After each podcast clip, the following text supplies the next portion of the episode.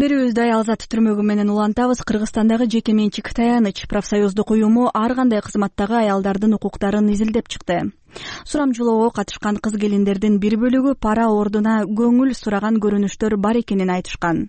Жарандык коомдун өкүлдөрү жогорку окуу жайларга кирүү жумушка орношуу же кызматтык тепкичтен жогорулоо үчүн сексуалдык кысымга кабылган аялдардын саны ондоп саналышы ыктымал экенин белгилешет. Бирок жергиликтүү менталитетке байланыштуу мындай көрүнүштү ачык айтып өз укугун коргоого аракет кылгандар жок эсе аялзат берүүсүндө кабарчыбыз канымгүл элкеева ушул маселеге кененирээк токтолот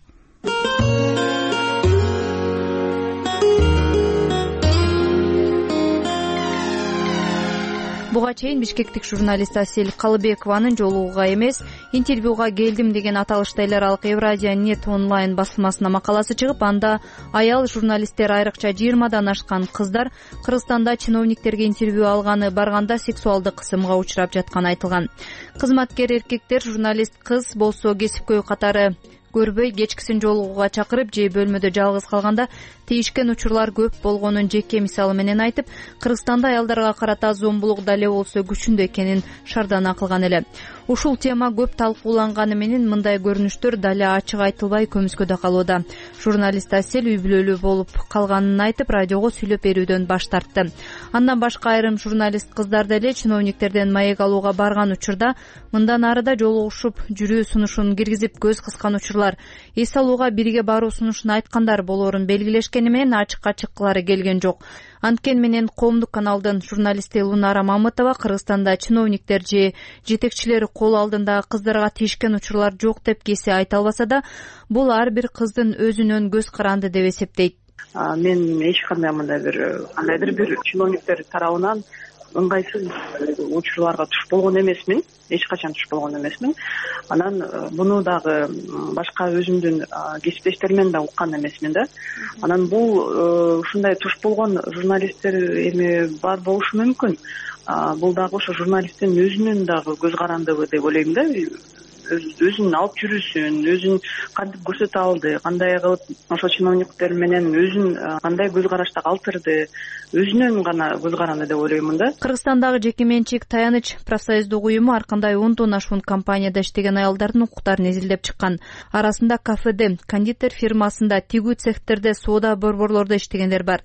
Сурамжылоого катышкан кыз келиндердин бир бөлүгү пара ордуна көңүл сураган көрүнүштөр бар экенин айтышкан.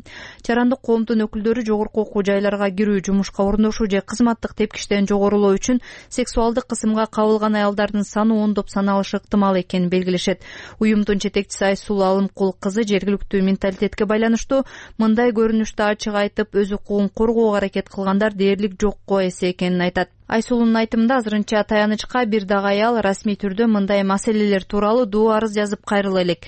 Эгер кайрылса анда көптөгөн тармактар анын ичинде чет өлкөлүк ишкерлер да жоопкерчилик тартмак деп сөзүн улады ал. Көбүнчө андайлардан баягы айткандан уялышат да келбети жакшынакай эме кыздарды вот ушинтип баягы принуждать этип. Анан биз бир миң бир жүз кырк беш адамды суроо кылдык да баягы анонимный анкетирование деп коет көбүнчө жарандар баягы мыйзамды да билишпейт. Именно ушу формалдуу эмес тармакта иштегендерчи. Кафеде болсо тиги жаш кыздар иштейт. Биринчи экинчи курс ушундай кулдай мамиле кылат экен алар да коркуп эле сөгөт экен элдин көзүнчө баягы мисалы ичип алган көп чоң эркектер акчасын төлөбөй кетсе ошо кичине мындай ары кыз алышат экен да. Алар төлөбөй кетсе тиги официантка төлөшү керек экен да. Акчаларын сураса тиги иди увольняйся деп бир ушул жети жүздөн мындай биз ачык баягы эме кылганда где то бир сегиздей аял айтты да. Көбүнчө бул дагы баягы түштүк ошту дагы ушундай көрүнүштөр бар экен да. Көбүнчө швейный цехтерде инспекция кылды но биздин немелер жана кафелерде анан кыздарды баягы хозяиндери эркек болсо баягы официанткаларды ушинтип вынуждать этет экен да баягы өңү жакшынакай эме болуп калсачы. Ал баягы вот бишкекте да андай көрүнүштөрдү айтышты да. Анан биз просто доказательство жок болуп калды да жөн эле уже ушинтип анан айтып атат эгерде макул болбосоң анда жумуштан кетирем макул болсоң акчаңды там кошуп берем көбөйтүп берем деп ушундай бир условия создают да. Андай мисалы макул болуп иштеген деле кыздар көп экен. Фирманын администрациясына уже баягы көтөрүлүп белгилей кетсек мындан төрт жыл мурда дипломатиялык академиянын ректору жумагул саадамбеков ал жерде иштеген келиндерге асылган ондогон адамды негизсиз жумуштан алган деген арыз тараган. Саадамбеков мындай дооматтарды төгүндөп алар аттестациядан өтпөй калганы жана эсеп палатасы тарабынан каражатты максатсыз пайдаланганы ашкереленип калгандан кийин кызматтан кетирилгенин билдирген болчу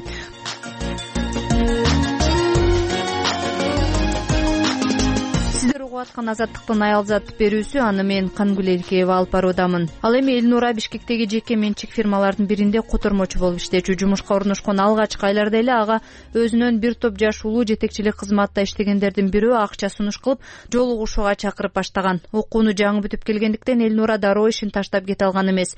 Жетекчиси менен жолугушууга макул болбой жүрүп акыры жумушун таштап кеткен. Мен анда переводчица болуп иштегем да келип ушинтип акча берип тамакка чакырып ошондой мааниде эме кылган да менин жетекчим эмес бирок башка как объекттин жетекчиси болчу да. Билбейм эми может мен тиги жаңы студент болуп окууну бүтүп эметсем акча керек может акча берсем мени менен барып погуляет деп ойлодубу билбейм да. Аялдардын укугу боюнча адис чет өлкөдөгү тажрыйбалары менен бөлүшкөн нуржан алымканова мындай жагдайлар фирмадан жана кыздардын өзүнөн көз каранды деген ойго көбүрөөк кошулат. Ошондой эле тилекке каршы ийгиликке жеткен татынакай кыздардын артында колдоп турган эркек адам болушу мүмкүн деген көз караш бар экенин белгилейт. Бул эми ар бир компаниядан мекемеден көз каранды го. Анан ар бир э, кыздын өзүнөн кээ бир кыздар аны кайта күтүп эле отурат да качан мага тигишет деп. Андайлар да жок эмес. Анын баарын эле эркектерге шылтай берген менимче. Бирок мындай коомчулукта ошондой э, кандай десем стереотип болуп калган да эгерде жаш кыз болсо акылдуу болсо анын үстүнө татынакай болсо кандайдыр бир ийгиликке жетишип аткан болсо сөзсүз анын артында кандайдыр бир эркек киши турат деген. Бирок мен ага кошулбайт элем мен көп жакшы жакын досторум бар. Саясий жаатта деле жакшы ийгиликтерге жетишти журналистикада деле жакшы ийгилик миссияда жүрүшөт бирок кандайдыр бир эркектин жардамысыз эле өзүнүн күчү менен өзүнүн акылы менен өзүнүн иштермандыгы менен эле э, жетип жакшы иштеп жүрүшөт. Бирок нуржан башка өнүккөн өлкөлөргө салыштырмалуу кыргызстанда көңүлдөш болууну сунуштаган сексуалдык психологиялык кысым кылган жетекчилердин үстүнөн арызданып алардын абийирин ачуу кыйынга турарын айтат кыздарга э, тийишмей сексизм менен мамиле кылуу менимче кыргызстанда эле эмес башка өнүккөн өлкөлөрдө деле күч алган. Мисалы үчүн аялдарга эркектер тарабынан кандайдыр бир шовинисттик э, мамилелер дайыма байкалат. Ал туурасында көптөгөн журналдардан мисалы үчүн профессионалдык тиктөөлөрдүн журналдарынан деле окусак болот да. Мындай экен да э, интеллектуалдык жактан көбүрөөк өнүккөн өлкөлөрдө андай нерсени башкаруу оңоюраак болот экен интеллектуалдык жактан азыраак мисалы үчүн билими жагынан көп бир топ муундан бери жакшы өнүкпөй келаткан өлкөлөрдө андайды башкаруу. Бул э, нукура инстинкттер да адамдын эң баштапкы жырткычтык инстинкттери. Ошону башкара албаган өлкөлөр алар жана кедейирээк өнүгүп келаткандар арасында болот экен да. Болгону бир нече компанияны билем. Алардын ичинде э, эгерде ошондой нерсеге жол бериле турган болсо анда ошол кыянатка барган эркек киши жумуштан кызматтан дароо кетирилет да. Көп эле угуп жүрөбүз го ии ушундай тийишти ии мындай болду деген. Журналисттер арасында деле биздин жетекчи ушундай ушундай кылды андан кийин унчуккан жокмун деген сөздөрдү көп эле уккам тилекке каршы. Бирок аны ачык айтып чыгыштан кыздар эмнегедир коркот же сезенет же балким коомчулук ишенбейт деп ойлойбу же кайта коомчулук ал күнөөнүн баары кыздын өзүндө деп ойлойбу. Бизде балким ошондой жагы бардыр. Ал эми кризистик борборлорго дал ушул маселе боюнча кайрылган кыз келиндер жок эмес. Маселен сезим кризистик борборунун юристи ракия рахматованын айтымында мындай учурда аялдар көбүрөөк психологиялык кысымга туш болушат. Фармацевтический компанияда иштечү анан ошондо деген шефи айтыптыр да короче ошондой сен мага жагасың анандай интимный отношения болуш керек экөөбүздө депчи. Эгерде андай болбосо мен сени же жумуштан алып түшөм же э, жумуштан ылдыйлатам. Еще сен бул жерден кетесиң акыры деп айтыптыр да. Анан деген жана чоң чоң компанияда иштеген эркектер болсо колунда туруп турган болсо жакшынакай жаш кыздар жаңы окууну бүтүп келген кыздар болсо аларга иш керек. Жөнөкөй үй бүлөдөн болсо карапайым болсо ата энеси алар иштегиси келет. Анан ошондой учурлар болгондо мүмкүн алар э, жашырып андай нерселерди көп туугандарына айтпайт деле. Эч кимге деле айтпайттыр мүмкүнчү ошол калат ошол өздөрүнүн ичиндечи андай учурлар көп эле болот болуш керек депчи анткени азыр баары эле өзүңөр билесиңер же акча чечет же болбосо тамыз чечет да көп жерденчи аталган борбордун жетекчиси бүбүсара рыскулованын белгилешинче мындай көрүнүшкө туш болгондордун көбү ачылып айтып бере албайт. Жумушсуздук жакырчылык күч алган мыйзам бирдей иштебеген өлкөлөрдө мындай маселелер жашыруун бойдон кала берет. Кайрылгандар болгон бир кыз татынакка экен да ушу ыйлаган каяка барсам эле мага ушундай болот. Психологдор иштеген болчу дагы анан кийин ошо сотко берем деп кайрылса бүт коллектив сен өзүң ушундайсың деп муну тастыктаган кыйын да. Эми ушундай коллектив болгондо тиги шеф болгондон кийин эч ким ал кыздарга болушпайт каршы чыкпайт. Анан кайрылгандар деле болбойт жумушунан кете беришет.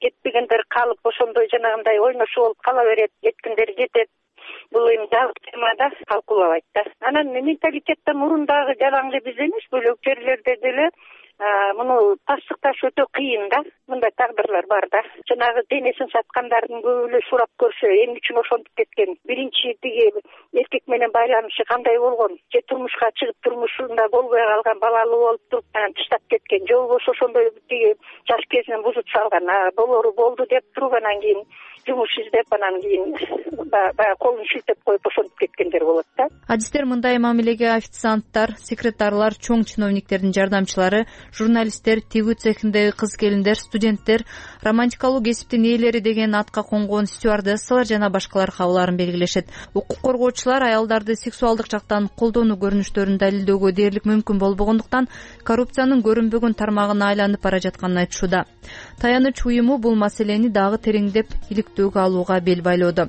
Кыргыз мыйзамдары боюнча жарандар жумуш орундагы сексуалдык кысымдан толук корголгон бирок анын коррупциялык мүнөзүнө келгенде эрежелер да бир аз чийленип кетет. Айрым өнүккөн өлкөлөрдө мындай арыз үчүн соттолгонго чейин барган учурлар бар. Канымгүл элкеева азаттык аялзат берүүсү